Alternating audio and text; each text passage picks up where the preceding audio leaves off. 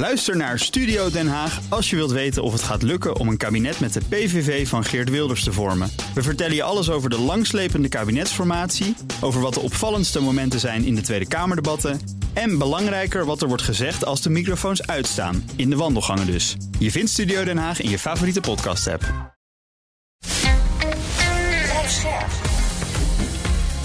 BNR Nieuwsradio.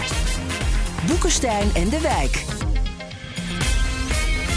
Hugo Reitsma. Welkom bij Boekenstein en de Wijk. Het is donderdag, dag 687 van de oorlog in Oekraïne. En wij werken weer even wat vragen van jullie door. Ik begin met de vraag: uh, in de EU lopen we enorm achter in de massaproductie van wapensystemen en munitie. Daar hebben we het hier natuurlijk uh, vaak ook over gehad. Welke rol zou Nederland hierin kunnen spelen? Zouden wij bijvoorbeeld de focus kunnen leggen op de ontwikkeling en fabricage van militaire drones? Waarbij de EU dan verschillende productie coördineert. Bijvoorbeeld uh, over Rijnmetaal in Duitsland of FN in België. Zou dat zo kunnen werken om die productie op orde te krijgen? Hij zegt dus eigenlijk een soort arbeidsdeling. Hè? Van als jij dan dat maakt, dan kan je dat maken. Dat noemen we defensie samenwerking. Hè? Nou, kijk, als dat uh, concurrentie niet uh, beperkt, dan is daar natuurlijk helemaal niks op tegen. En Nederland kan veel leveren. We hebben veel, we zijn heel goed in radars, maar we zijn ook goed in, in het delen van drones, geloof ik. Het lijkt me, kijk, we lopen zo achter dat er, er moeten nu gewoon afspraken worden gemaakt. En het liefst dat je dat dan in een georganiseerd verband doet. Dat je niet de, dingen dubbel doet. Wat vind jij erop? Nou de Europese Unie uh, die kan dat inderdaad uh, doen. Die pogingen worden ook inderdaad uh, ondernomen door een speciale unit van de Europese Unie die, die daarvoor is, is ingericht. En die probeert ook manmoedig die zaak te coördineren. Het probleem is alleen dat er dus wel eerst uh, hele grote uh, aanbestedingen moeten worden gedaan. Nou, die moeten dan volgens de procedures uh, worden gedaan. Dus daar moeten verschillende partijen op kunnen intekenen. Je kunt niet zomaar zeggen van ehm, vanuit Brussel, jij gaat dat maken en jij gaat dat maken.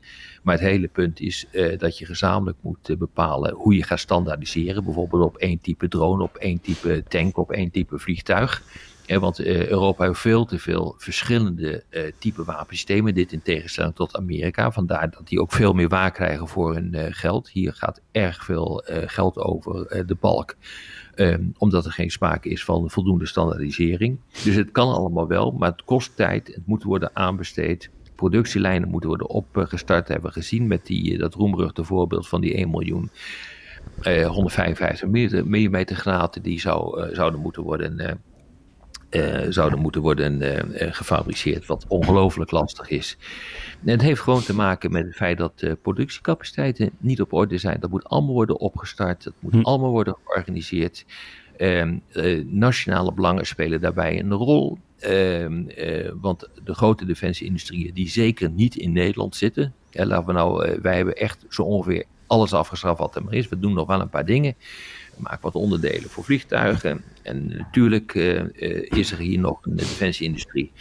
Uh, met name op maritiem gebied, maar daar heb je in Oekraïne weinig aan. dus, maar het kan, het kan allemaal wel, maar dan zul je dus echt vaart moeten maken. Die initiatieven zijn ook genomen binnen de Europese Unie, maar ik vind ook wel inderdaad met de vraag stellen dat het erg langzaam gaat. Over geld over de balk gesproken. Menno Hulshoff die vroeg daar nog naar. Zei de prijzen van munitie zijn ook enorm gestegen. Moet de EU hier ook niet actie op ondernemen? En hij linkte me daaraan naar een aankondiging van Rijnmetaal eerder. Die zei dat er een framework agreement was om 600.000 uh, 30 mm patronen voor de Puma infanterie gevechtsvoertuigen te leveren. Voor uh, in totaalbedrag van 576 miljoen euro. En hij zei ja, als je dat terugrekent dan kom ik dus op 960 euro per patroon. Uh, Hij had ook even gegoogeld, volgens mij. Uh, die dingen zijn best wel duur. Maar dat is dus, het is eigenlijk gewoon een hele grote kogel. Hè. Die kost dan normaal kost dat 150 dollar per stuk.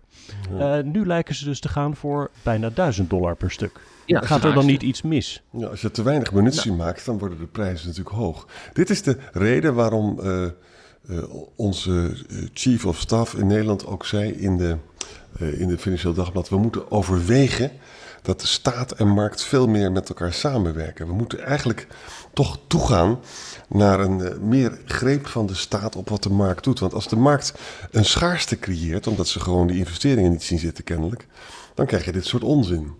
Nou, ik weet niet of de, of, de, of, de, of, of de industrie nu de schaarste creëert hoor. Er is gewoon schaarste. En er is geen productiecapaciteit. En iedereen wil tegelijkertijd uh, gaan produceren. Landen willen produceren omdat ze zelf tot de conclusie zijn gekomen dat hun eigen defensie achterloopt. En landen moeten produceren om Oekraïne uh, te, blijven steunen. Uh, dus het, aan alle kanten explodeert de vraag ja, weet je, dan moet je niet gek opkijken uh, dat die prijzen oplopen. En bovendien hebben we ook nog te maken met inflatie uh, de afgelopen jaren. En we hebben te maken met, uh, met grondstoffenprijzen die ook hier en daar zijn geëxplodeerd. Mm -hmm. Dus dat dat veel duurder wordt, ja, dat vind ik niet zo'n, dat vind ik niet zo vreemd. Maar je zou verwachten erop dat als, als er schaarste is, en, en je, het is heel duidelijk dat als je de productielijn start, dat je de munitie kan verkopen. Hè? Waarom werkt de markt niet zoals de markt zou moeten werken? Nou, dat komt waarschijnlijk omdat de defensieindustrie wil gewoon die, die openbare aanbestedingen allemaal winnen. En die wacht daar gewoon op. Die wil allemaal garanties hebben. Terwijl de, de, kans zeer groot is dat je die munitie natuurlijk gewoon kan verkopen. En dat is dat pleidooi om dan de staat meer te laten ingrijpen, denk ik. Ik begrijp het niet hoor. Kijk, eh, eh, ik begrijp niet waarom dan de staat meer moet, moet ingrijpen. Want waar zou ze dan op moeten ingrijpen? Want je pleit er tegelijkertijd voor uh, dat uh, die bedrijven moeten gaan investeren omdat ze hun spullen toch wel zullen, uh, zullen kunnen verkopen. Nee, het probleem zit hem denk ik in de moeizame aanbestedingsprocedures.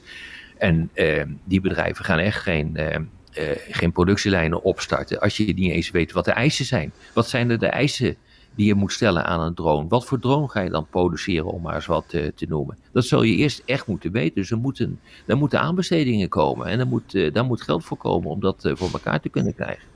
Ja, je zou met, met garanties... Je moet zo snel mogelijk weten wat je wil hebben. En dan garanties geven. Dan hup, Ja, dat proces loopt niet. Ondanks ja. allerlei ronkende projecten van de Europese Unie. Onder andere ASAP... Uh, uh, dat, dat te maken heeft met de productie onder andere van, van munitie. Maar zo zijn er wel um, zo zijn er, meer initiatieven om dat voor elkaar te krijgen. Maar het gaat allemaal tergend langzaam. Dat is het hele probleem. Maar het duurt ook lang. Ik bedoel, voordat je een nieuwe auto hebt gebouwd, ben je ook tien jaar verder. Als je hem eerst moet ontwerpen. Ja, volgens mij was het in de Volkskrant, zag ik vanochtend iemand van Saab, die dus de, ook munitie maken en zeiden, ja, dat is nu al verdubbeld en volgend jaar verdubbelt het weer. Die ja. zei ook van, ja, het gaat te langzaam. Tegelijkertijd uh, heb ik in mijn carrière, zei die, ik werk al 40 jaar in deze business, het nog nooit zo snel zien veranderen. Dus het is... Exact. Ja. Dat is precies wat ik bedoel. Ja, nee jongens, maar ik bedoel, uh, als je achterloopt en je wil ineens allemaal tegelijkertijd wat hebben, dan wordt dat heel erg lastig. Ik heb verschillende vragen van juridische aard voor jullie. Sterkte daarmee. Jullie zijn natuurlijk geen juristen, maar goed. Nee. Even kijken. Uh, Huub Waterman die vraagt... Jullie, vooral Arend Jan, zijn kritisch over het optreden van Israël in Gaza... en nemen de door Palestijnse autoriteiten genoemde aantallen slachtoffers over. Heeft Israël volgens jullie het recht om zich te verdedigen? En zo ja, wat zouden ze dan... Of zouden ze anders moeten doen? En aan de andere kant heb ik Willy van der Schoot die vraagt: er wordt vaak gesproken over het recht van Israël zich te verdedigen. Ik vraag me af of de Palestijnen dat recht ook hebben. Misschien even bij die eerste te beginnen. Ik kan wel eventjes reageren op die cijfers van de Palestijnse autoriteiten. Die noemen we ja. vaak, en ik heb daar ook wel een beetje in verdiept, van moeten wij dat noemen? Die cijfers worden over het algemeen als vrij betrouwbaar gezien. Het komt natuurlijk mm. van door, door Hamas aangestelde gezondheidsautoriteiten. Maar eerdere keren zijn die getallen betrouwbaar gebleken en ze worden ook door experts nu als in lijn uh, gezien met wat er wordt verwacht. Dus daarom neem ik die uh, af en toe mee. Uh, dat Israëlische recht om zichzelf te verdedigen, nou dat zeggen jullie altijd, dat recht hebben ze. Hè? Maar wat zouden ze, hoe zouden ze dat dan anders moeten aanpakken? Nou, kijk, ja, weet niet je, op dit ogenblik. Ja, ik zou zeggen van in plaats van dus deze grove methode, waarmee je op de langere termijn alleen maar Hamas 2.0 creëert, hè, uh, en waarbij het ook nog contraproductief is, omdat je dat echt niet alle Hamas-leiders gaat uitschakelen. Ik zou dus over, ik zou naar, naar Biden luisteren en naar Blinken en chirurgischer uh, opereren. Klinkt mooi hoor, uh, Jan. Het is allemaal uh, makkelijker gezegd dan gedaan. Als je nou echt ook je eigen mensen wil opofferen, dan moet je het vooral ook doen in deze fase van de strijd. Je zult eerst um, dat, dat slagveld op een of andere manier zo moeten inrichten dat je erin kan zonder al te veel gevaar voor, voor eigen levens. Nou, dat, ik heb dat vaker uitgelegd. Je hebt twee manieren om, dat, om, om een stedelijke oorlogvoering te gaan uitvoeren. Dat is één, de zaak plat bombarderen en er dan ingaan. Dat is het voor je eigen mensen het, het meest veilig. Of je kunt de zaak niet plat bombarderen en er gewoon ingaan en, en huis aan huisgevechten gaan, uh, gaan voeren. En dat is ongehoord uh, link voor je eigen bevolking. Nou, Israël die kiest ervoor om de boel eerst plat te bombarderen en, en er dan in te gaan. en op een gegeven ogenblik, als die grote operaties voorbij gaan, dan kun je overgaan op veel meer specifieke en kleinschalige operaties die veel kleiner en doelgerichter zijn.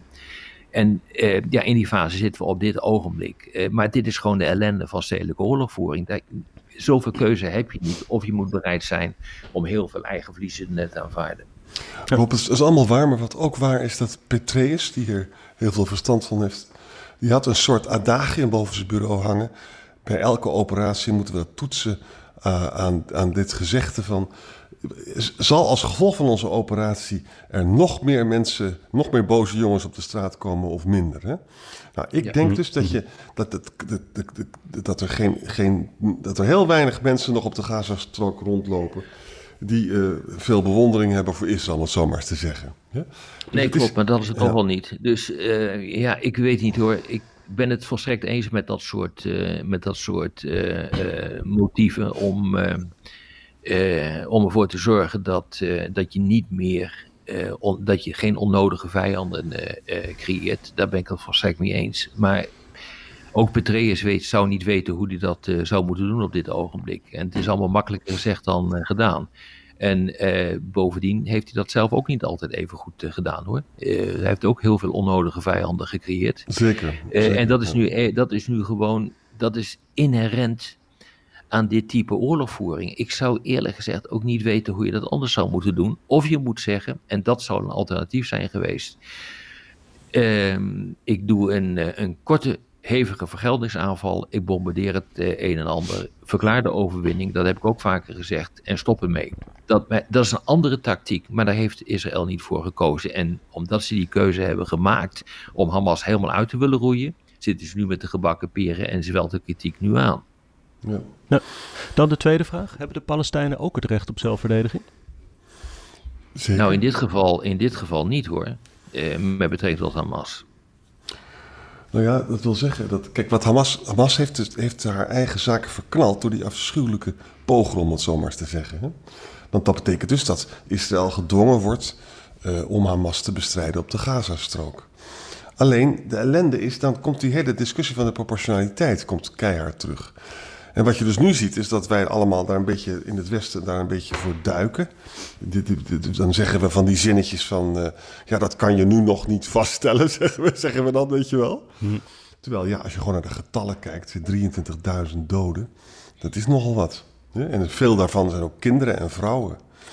Dus het ziet er, uh, het ziet er niet mooi uit. En het creëert in ieder geval bij uh, de Gazanen een, een permanente woede ten aanzien van Israël. Jawel, maar, maar de vraag was, Arend Jan, uh, hebben zij het recht op, op zichzelf te verdedigen?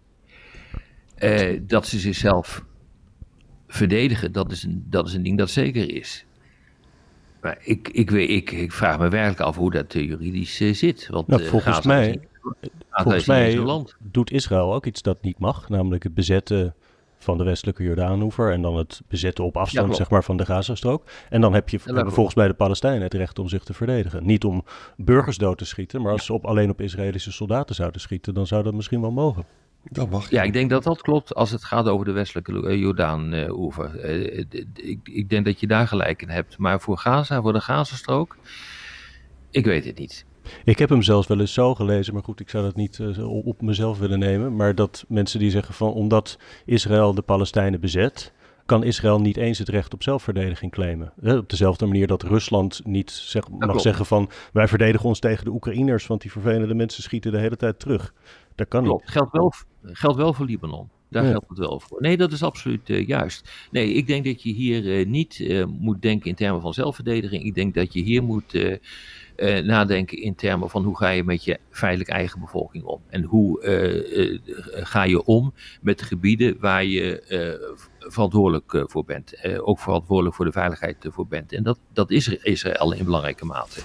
met betrekking tot Gaza en en de, de, westelijke Jordaan-oever. Ehm, ik, ik denk dat het veel meer daarin gezocht moet worden en niet in het internationaal juridische voor het recht op zelfverdediging. Want volgens mij geldt, geldt dat niet omdat je hier niet te maken hebt met landen. Dit zou wel gelden voor, voor Libanon als Hezbollah in één klap in actie gaat komen op nog grotere schaal. Maar volgens mij kan je ook dit zeggen. Zowel Israël als Hamas zijn gehouden om uh, burgers zoveel mogelijk te sparen.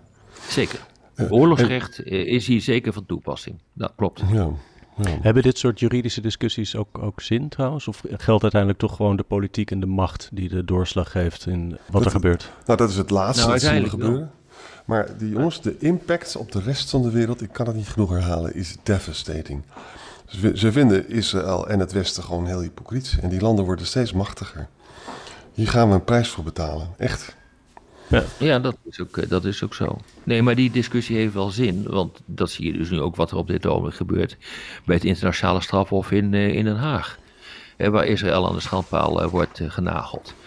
Nee, het gaat er dus echt om van hoe kan je omgaan met de bevolking, met de bevolking waar je ook feitelijk zeggenschap op, op hebt en over hebt. En realiseer je dat jaren geleden, pak weg, nou wat is het alweer, 20 jaar geleden denk ik, is er ook een, een initiatief geweest van de Responsibility to Protect. Je bent ook gehouden aan het beschermen van de bevolking waar je over je gaat. Zo niet mag de internationale gemeenschap ingrijpen. Ja, ik vind uh, met, met Gaza en met, uh, en met de Palestijnen in algemene zin, die, die op de westelijke Jordaanoever wonen, is dat denk ik heel erg lastig. Dat je, het is evident dat Israël zich moet inhouden wanneer ze in actie komen.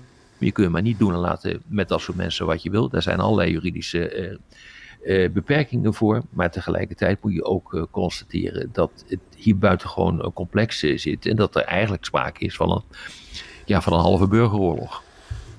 Ja. ja. hey, um, zullen we morgen verder? Ja. ja, doen we. Bedankt. Jongens, tot morgen. Tot morgen. Ook Harm Edens vind je in de BNR-app. Je kunt BNR Duurzaam niet alleen live luisteren in de app, maar ook terugluisteren als podcast, zoals al onze podcasts. En naast dat de BNR-app Breaking News meldt, houden we je ook op de hoogte van het laatste zakelijke nieuws. Download nu de gratis BNR-app en blijf scherp.